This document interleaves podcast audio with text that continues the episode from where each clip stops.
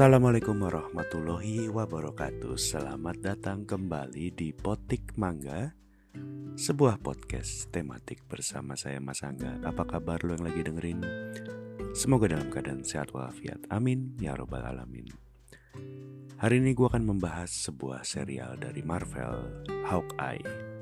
Um, Sebenarnya gue udah nonton ini dari Desember dan sudah membuat draft episodenya dari Desember 2021 tapi baru sempat rekam ini di Januari di periode liburan tahun baru itu. Gua nggak tahu lo akan dengerin ini kapan tapi semoga kalau lo belum nonton Hawkeye dan ingin menonton Hawkeye belum sempat juga nontonnya ini akan mengandung spoiler dari serial Hawkeye jadi buat lo yang belum nonton, silakan ditonton dulu sebelum melanjutkan episode ini. Tapi kalau lo bodo amat, ya silakan lanjut mendengarkan episode ini. Hawkeye, um, pertama, gue merasa kasihan sebenarnya, bukan kasihan sih ya. Ka, intinya menurut gue Hawkeye ini sebagai salah satu tokoh penting dari MCU. Eh, pentingnya karena dia salah satu original Avengers member ya. Itu hype-nya ketutup sama Eternals sama Venom sama apalagi tuh um, Shang-Chi dan tentunya yang paling epic ketutup sama Spider-Man No Way Home.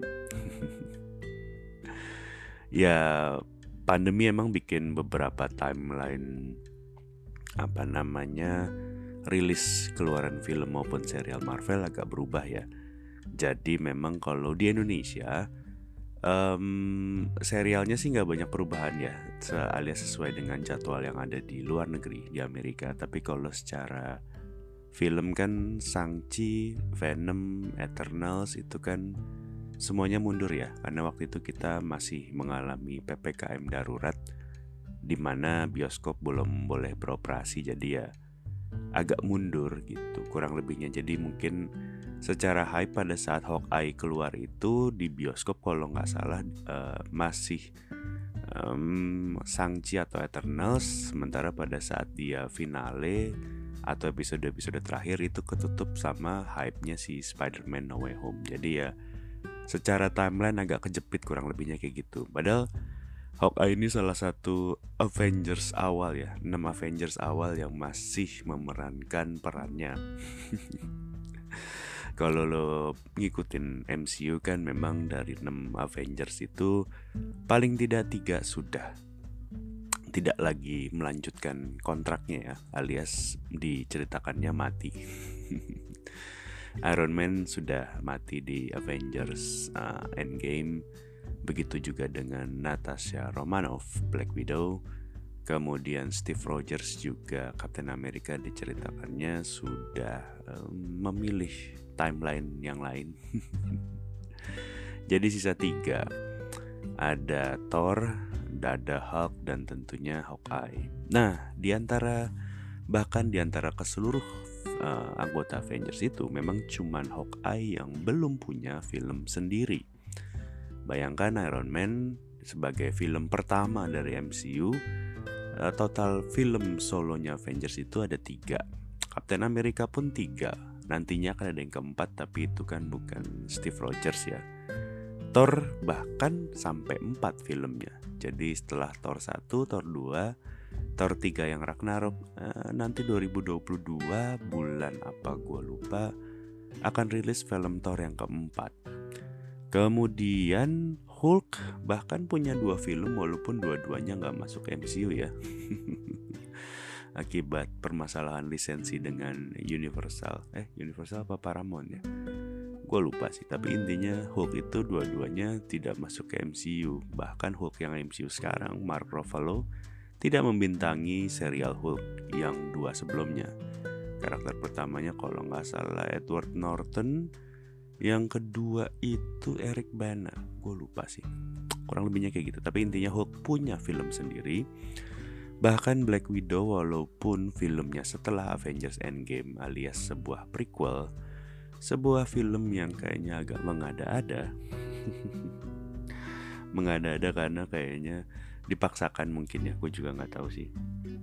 Tapi intinya Black Widow akhirnya punya satu film sendiri. Nah, di antara enam Avengers yang awal memang cuman Hawkeye yang belum punya film sendiri. Tapi Hawkeye lah yang satu-satunya punya film uh, serial. Secara kronologis gue coba ceritakan, jadi ini mulai akan spoiler ya. Kronologisnya memang dimulai dengan seorang tokoh bernama Kate Bishop. Karakternya bernama Kate Bishop, seorang perempuan. Dia menyukai Hawkeye.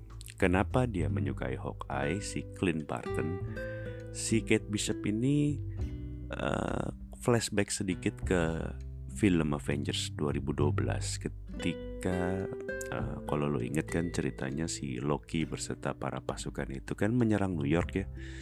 Avengers yang pertama itu kan selalu diceritakan sebagai Battle of New York, di mana pertama kalinya alien menginvasi bumi dan perang melawan Avengers gitu. Nah, di situ di serial Hawkeye ini diceritakan bagaimana sudut pandang orang biasa alias rakyat jelata masyarakat ketika terjadi uh, serangan alien di New York itu sudut pandang mereka seperti apa. Nah, si Kate ini ngefans sama Hawkeye dan Clint Barton ya. Kate ngefans sama Clint Barton karena ada sebuah adegan di mana kalau lo inget um, Clint Barton menggunakan panah terakhirnya untuk terjun dari gedung di Avengers 1. Nah, itu diceritakannya dari sudut pandang si Kate, bagaimana Kate melihat seorang Clint Barton yang bukan alien seperti Thor, tidak memiliki baju super seperti Iron Man, tidak memiliki kekuatan super seperti Captain America dan Hulk, tapi bisa dan berani melawan alien. Kurang lebihnya seperti itu. Nah, apa namanya? Alhasil di serangan alien itu, bokapnya si Kate Bishop itu meninggal karena kena efek samping lah atau gue lupa sih meninggalnya kenapa. Uh, tapi intinya pada saat serangan itu mengakibatkan bokapnya si Kate Bishop itu meninggal. Dan Kate Bishop yang tadi gue bilang ngefans sama Clint Barton pengen supaya dia menguasai ilmu itu, menguasai panahan, menguasai bela diri supaya dia bisa melindungi dirinya sendiri atau keluarganya ibunya yang masih ada kalau memang suatu hari ada serangan dari alien lagi. Kurang lebihnya seperti itu. Ya, hmm, Kate Bishop ini diceritakan orang kaya sih. Kenapa bisa orang kaya? Pertama rumahnya seberang-seberangan sama si Stark Tower atau Avengers Tower lah. Gue lupa namanya pada saat itu. Stark Tower mungkin ya, belum ada Avengers pada saat itu. Jadi rumahnya di tengah pusat kota. Jadi ibaratnya kalau di sini dia tinggal di HI Kempinski lah kurang lebihnya. Apartemennya gitu. Nah karena dia orang kaya kayaknya dia sanggup untuk masuk ke sekolah yang bagus. Di mana dia bisa belajar panahan, belajar bela diri dan seterusnya dan seterusnya gitu ya. Dia ceritanya juga selain di rumahnya yang waktu itu diserang sama alien, dia juga sudah punya apartemen sendiri hasil warisan dari bapaknya. Jadi intinya gua nggak ngerti bapaknya kerja apaan, tapi intinya bapaknya mewariskan dia banyak kekayaan. Kurang lebihnya kayak gitulah. Makanya tadi gue bilang si si Kate Bishop ini jago mana, jago bela diri, jago ilmu-ilmu lainnya kayaknya menurut gue uang warisan bapaknya bisa untuk bayar les memanah gitu ya. Bisa kursus manggil guru terbaik manggil juara olimpiade gitu misalnya. Ya maksud gue entah kenapa memang yang jadi superhero itu background orang kaya tampak lebih make sense ya. Maksud gue nggak cuman Kate Bishop gitu ya Iron Man juga orang kaya bisa jadi superhero atau di DC Universe kan Batman jadi superhero karena Bruce Wayne adalah orang kaya gitu. Jadi memang kayaknya syarat salah satu syarat paling mudah untuk jadi superhero adalah menjadi orang kaya ya. karena emang kayaknya mereka sanggup membayar uh, peralatan atau bisa belajar berguru jadi superhero gitu ya. Kalau orang miskin kan gimana mau belajar memanah gitu. Mereka harus kerja. Kalau nggak kerja nggak makan. Kalau uang gajinya dipakai buat bayar les memanah terus makannya apa gitu kurang lebih gitu Makanya menurut gue kalau kemarin itu ya Ini agak agak out of the topic ya. Kemarin pas Pilpres 2019 Kalau gue jadi Sandiaga Uno Kayaknya ketimbang gue jadi cawapres Gue mendingan jadi Batman gitu ya. Karena gue gak pernah lihat Bruce Wayne maju jadi pilkada di Gotham City gitu atau Iron Man jadi apa namanya wali kota New York gitu ya. Mendingan jadi superhero gak sih ketimbang jadi wapres Aduh balik ke cerita Hawkeye. Gue lagi nge-review Hawkeye ini. Nah gimana ceritanya akhirnya si Kate Bishop si tokoh kita ini akhirnya ketemu sama Clint Barton yang Hawkeye asli gitu ya. Jadi suatu hari si Kate ini lagi balik dari sekolahnya atau kuliahnya gue lupa. Balik ke New York ke rumah ibunya dari sekolahnya itu. Nah ibunya kan memang uh, mewarisi perusahaan bokapnya Mewarisi kekayaan bokapnya jadi bikin pesta khusus buat orang kaya. Nah, ternyata di balik pesta itu ada sebuah lelang yang apa ya? Tidak resmi lah, lelang gelap gitu. Lelang yang khusus isinya orang-orang kaya semua di mana barang-barang yang dilelang adalah barang-barang sitaan atau barang-barang curian dari kantor Avengers gue nggak ngerti gimana ceritanya gimana cara mereka mendapatkannya. Tapi salah satu barang yang dilelang adalah barang kostum dan pedang Ronin. Mungkin kalau lo lupa Ronin itu adalah alter ego atau karakter yang dibikin sama si Clint Barton si Hawkeye ini pada saat dia pengen melampiaskan amarahnya karena keluarganya kena apa sih namanya snap Thanos. Snap itu apa ya? Jentik. Apa sih? Menjentikan jari kan snap. Jadi pada saat Thanos itu menjentikan jari di mana setengah dari populasi dunia itu menghilang, salah satu korbannya adalah keluarganya Clint Barton si Hawkeye. Kalau lo ingat istrinya, anaknya tiga itu semua kena snap. Jadi tinggal si Clint Barton Hawkeye ini sendirian. Dan untuk melampiaskan kesedihannya, dia menciptakan Ronin. Ronin itu diceritanya sih membunuh atau mengejar atau membantai para mafia-mafia, penjahat-penjahat, kurang lebihnya kayak gitu. Kalau lo inget kan, hmm, yang menghentikan atau yang membuat uh, Ronin, uh, si Clint balik lagi jadi Clint yang bukan Ronin, itu kan ketika si Natasha Romanoff Black Widow menghampiri bahwa kita punya kesempatan untuk mengembalikan keluarga lo lo mau join gak tapi lo harus stop. Kurang lebihnya kayak gitu. Ada itu di Avengers Endgame kurang lebih ceritanya kayak gitu. Jadi kalau lo yang nonton Hawkeye tapi nggak ngerti kenapa ini kenapa begitu ya lo coba cek lagi di Avengers Endgame gitu. Kurang lebihnya lengkapnya di sana. Nah ketika si lelang ini berlangsung pada saat pesta itu si Kate ini dengan bodohnya karena pada saat lelang itu uh, berlangsung kayaknya ada semacam penjahat yang ingin merampok uh, orang-orang kaya itu.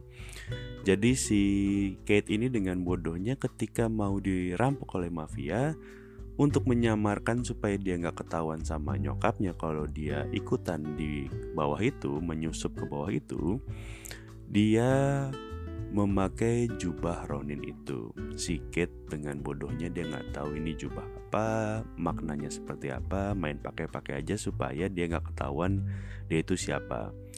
Yang gue bingung cuma satu kenapa jubah yang dipakai sama si Hawkeye Clint Barton bisa muat dipakai sama Kate Bishop. yang satu laki, yang satu perempuan, secara badan juga jauh sekali berbeda. Entah kenapa bisa muat, mungkin akibat bantuan tim tim penulis naskah dan tim wardrobe. nah intinya karena si Kate ini memakai baju Ronin, banyaklah para mafia-mafia atau para penjahat-penjahat yang dendam sama Ronin karena dulu bosnya dibunuhin atau teman-temannya dibunuhin dan mereka akhirnya menyerang si Kate ini. Uh, rumor pun menyebar bahwa Ronin kembali setelah sekian lama gitu ya. Dan seperti rindu dendam harus dibayar tuntas Alhasil si Kate ini diuber-uber lah sama mafia-mafia Clint Barton yang tidak ada di lokasi pada saat itu kemudian dia melihat apanya sih semacam footage mungkin atau apalah bahwa ada berita Ronin kembali ya. Clint Barton merasa bahwa ini adalah bagian dari tanggung jawab dia bahwa ini adalah sebuah apa ya? Hmm, sebuah urusan di masa lalu yang belum selesai. Mungkin itu kali ya kalimat tepatnya gitu ya. Jadi intinya singkat cerita Clint dan Kate partneran lah untuk ngelawan para mafia itu. Kurang lebihnya seperti itu. Jadi mereka terkoneksi lewat dua hal. Pertama Kate memang mengidolakan Clint Barton karena waktu kejadian Battle of New York di Avengers pertama itu dia melihat bagaimana Clint sangat heroik walaupun tidak memiliki kekuatan super. Di sisi lain Clint juga terikat sama Kate karena pada saat dia melihat Kate memakai baju Ronin dan dikejar-kejar para mafia, dia memiliki tanggung jawab untuk menyelamatkan Kate dan untuk membunuh tanda kutip karakter Ronin untuk selamanya. Kurang lebihnya seperti itu. BTW kalau lu yang baru pengen nonton Hawkeye, baru pengen nonton Hawkeye setelah mendengarkan episode ini. Lu pasti akan merasa satu hal gue nggak tahu mungkin mungkin ini gue doang tapi kalau lo merasa seperti ini ada sebuah perasaan ketika menonton Hawkeye ini serial yang agak culun tanda kutip culunnya dalam arti kata begini Sepanjang 2021 kita disuguhkan oleh serial Marvel dan film Marvel yang cukup berat atau cukup um, canggih ala CGI Marvel lah. Awal tahun kita punya Wanda Vision di mana uh, Wanda dan Vision ya superhero yang dengan terbang-terbang magic dan seterusnya. Uh, kemudian misalnya katakanlah kalau yang film-film kayak Sangchi superhero dengan kekuatan magic. Eternals itu bukan orang bumi Kemudian Venom, Spider-Man No Way Home, jelas itu sebuah film-film superhero. Sementara kalau di Hawkeye ini, kenapa gue bilang agak culun? Karena lawannya itu bukan alien, bukan superpower, bukan deviant atau bukan musuh-musuh dari multiverse lain. Lawannya si Hawkeye ini hanya sekedar mafia lokal lawannya semacam ormas gitu lawannya tuh semacam gerombolan gangster aja.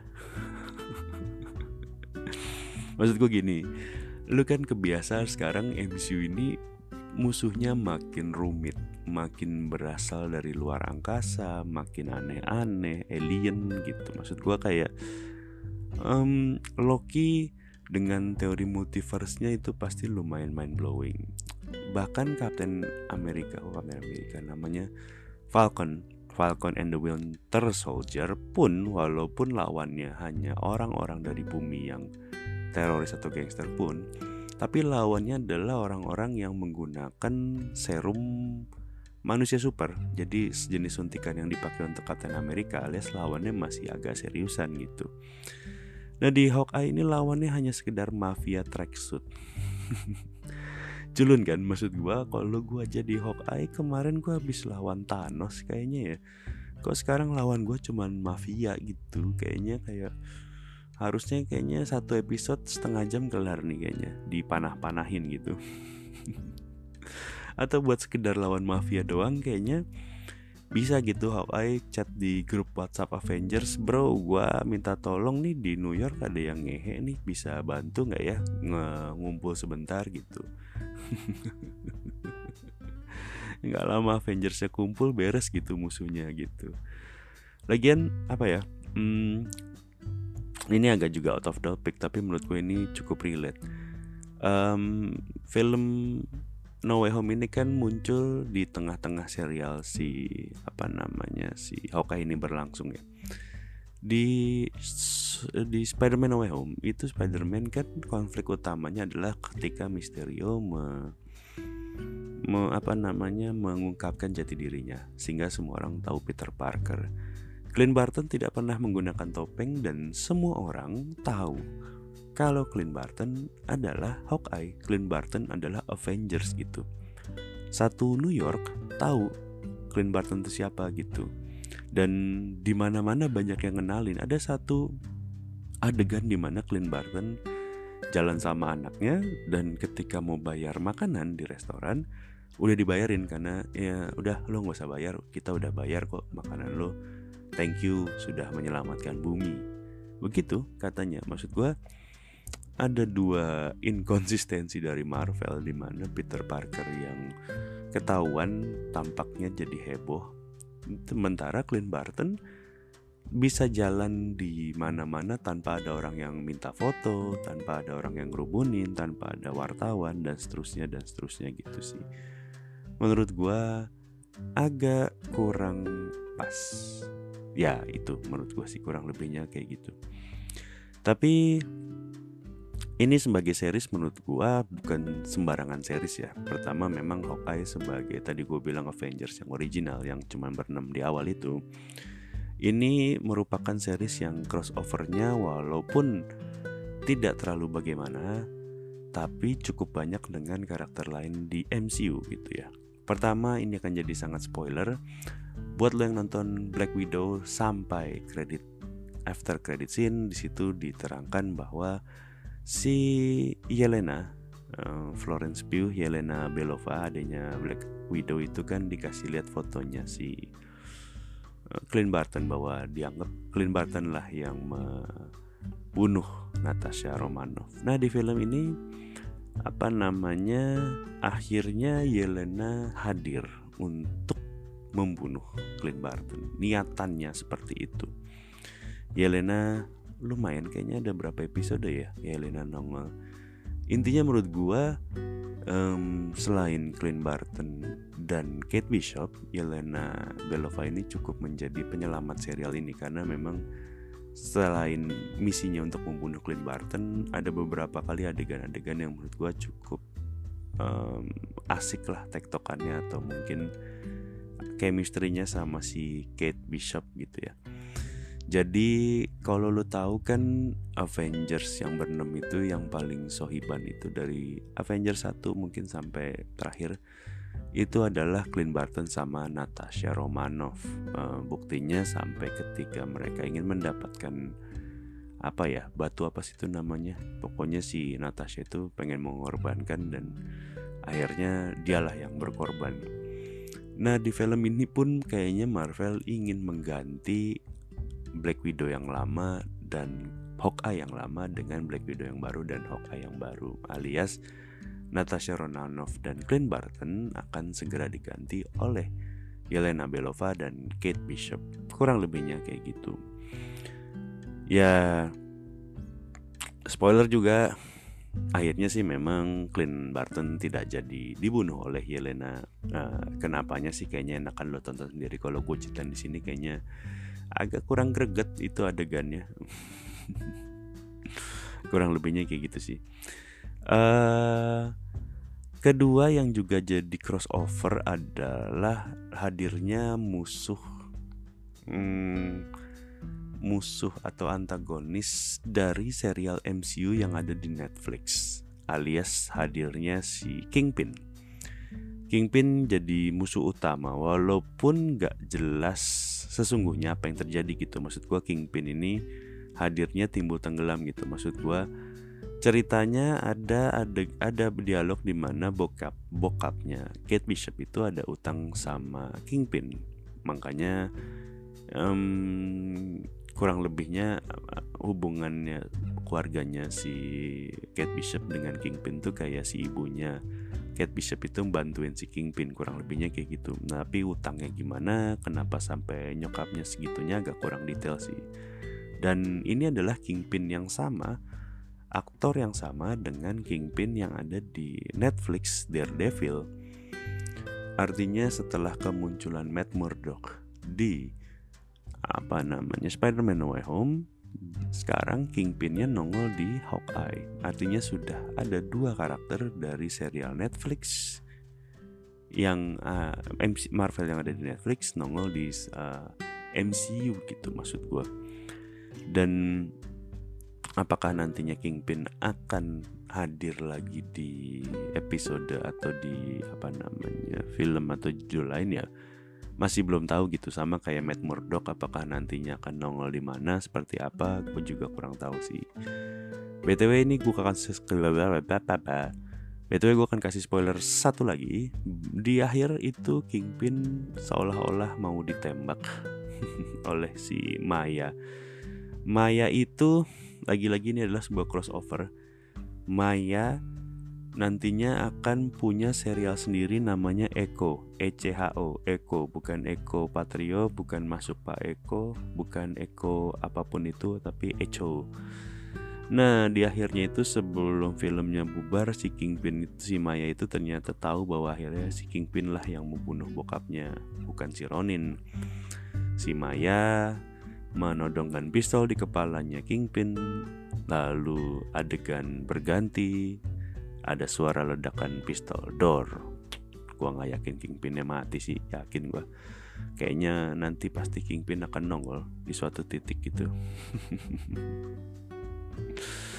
Artinya sebenarnya dengan Kingpin dan Matt Murdock ini Marvel masih apa ya nganggep serial yang di Marvel Netflix gitu menurut gua sih. Dan nggak cuman itu ya mengenai crossover. Eh uh, ada beberapa hal yang mungkin tapi memang sifatnya dialog ya. Di mana dialog itu kan kalau kita bicara film-film Marvel itu kan dialog mean something ya. Apa namanya kayak Easter eggs atau mungkin setting latar belakang baju yang dipakai termasuk dialog itu mean something alias nggak sembarangan ngomong. Harus dipertanggungjawabkan dialog-dialognya gitu ya. Nah dialog-dialog yang terjadi gitu ya dialog yang scene ini menurut gue ada beberapa referensi ke apa namanya ke film-film MCU tentunya gitu. Bahwa ternyata panah-panah Hawkeye itu dibuat oleh Stark Industries.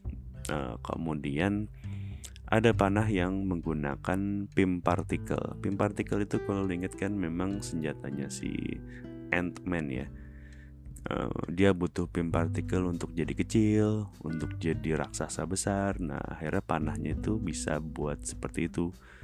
Ada adegan di mana panahnya Clint Barton bikin mobil jadi kecil, terus ditanya sama Kate, ah terus ini gimana nih kalau udah jadi kecil ini? Ya nggak tahu, kok nanya saya, nggak nggak gitu. Si Clint bilangnya ya nggak tahu dah, coba tanya nanti gue tanya sama Scott gitu. Scott itu si Ant-Man. Jadi intinya memang ada sebuah dialog-dialog kecil yang mereferensikan kepada uh, eh, MCU secara gedenya gitu. Maksud gue kurang lebihnya sih serial ini bagus gitu ya. Maksud gue walaupun tadi gue bilang culun, tapi ini culunnya Marvel gitu ya.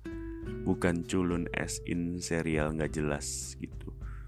Um, tapi memang gue yakin lo akan membandingkan dengan serial lain di Marvel dan film-filmnya tentu mungkin ini akan jadi peringkat bawah dari film-film yang lo pernah nonton di Marvel gitu ya. Tapi menurut gue dibandingkan waktu Marvel yang Netflix ini masih sedikit lebih bagus menurut gue karena mungkin digarap langsung sama Kevin Feige dan tim gitu ya. Tapi itu tadi kalau emang lo menonton ini berharap ini levelnya Avengers karena judulnya aja Hawkeye gitu ya atau mungkin lu berharap kayak Loki atau kayak WandaVision ini sih agak jauh ya. Agak jauh menurut gua. Satu hal yang menarik karena memang ini mungkin dijadwalkan kemarin untuk endingnya di Desember ya latar belakang Natal gitu latar belakang holidaynya cukup berasa gitu. Ya kalau lu mau enteng-entengnya sih ini kayak sinetron detektif upgrade gitu ya. Tapi ya maksud gua gue menurut gue alasannya si Marvel membuat ini adalah memang ini adalah jalan Marvel uh, untuk mengganti original Avengers yang asli gitu ya. Um, tadi gue bilang Hawkeye, Clint Barton tentunya akan segera diganti oleh Kate Bishop. Gue nggak tahu kapan, apakah diceritakannya Clint akan mati ke depannya, gue nggak tahu. Kemudian Black Widow yang sudah mati tentunya akan diganti oleh Yelena adanya.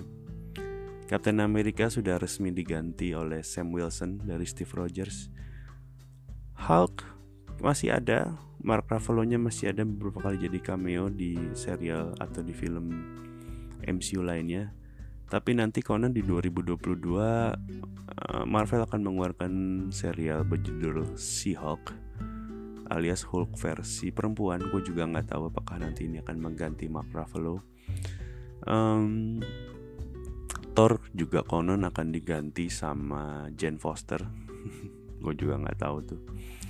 Iron Man gua nggak tahu apakah nanti anaknya akan menggantikan atau tetap dengan Peter Parker tapi Peter Parker sudah tidak ada yang tahu lagi dia siapa intinya ke depannya um, era Avengers original yang berenam itu memang sudah tidak akan ada lagi kayaknya jadi buat lo yang sudah pada berumur dan tua Avengers yang lo waktu itu nonton beberapa tahun yang lalu di tahun 2012 atau lo pertama kali nonton Iron Man di 2008 orang-orang itu sudah tidak akan ada lagi di MCU itu udah Avengersnya orang tua ya.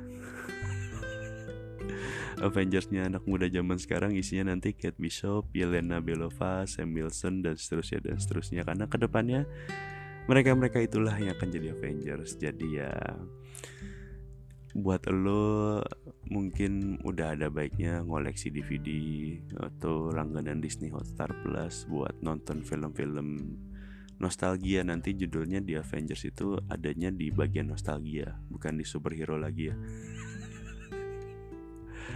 Ya udah intinya itu aja. Uh, gue nggak tahu ini akan tayang kapan kalau lo yang belum nonton Hawkeye nontonlah Hawkeye. Paling nggak itu cukup menghibur. Cuman ada 6 episode per episodenya cuma 30 menit bisa ditonton santai. Kalau yang udah nonton ya terima kasih sudah mendengarkan uh, episode kali ini. Menurut lo bagaimana? Apa gua ada yang salah atau gua ada yang mungkin tidak sesuai? Atau mungkin ada teori-teori yang gua nggak tahu? Uh, please do let me know. Ya udah thank you aja. Thank you buat lo yang udah dengerin Sampai jumpa di episode lain dari Potik Mangga. Assalamualaikum warahmatullahi wabarakatuh.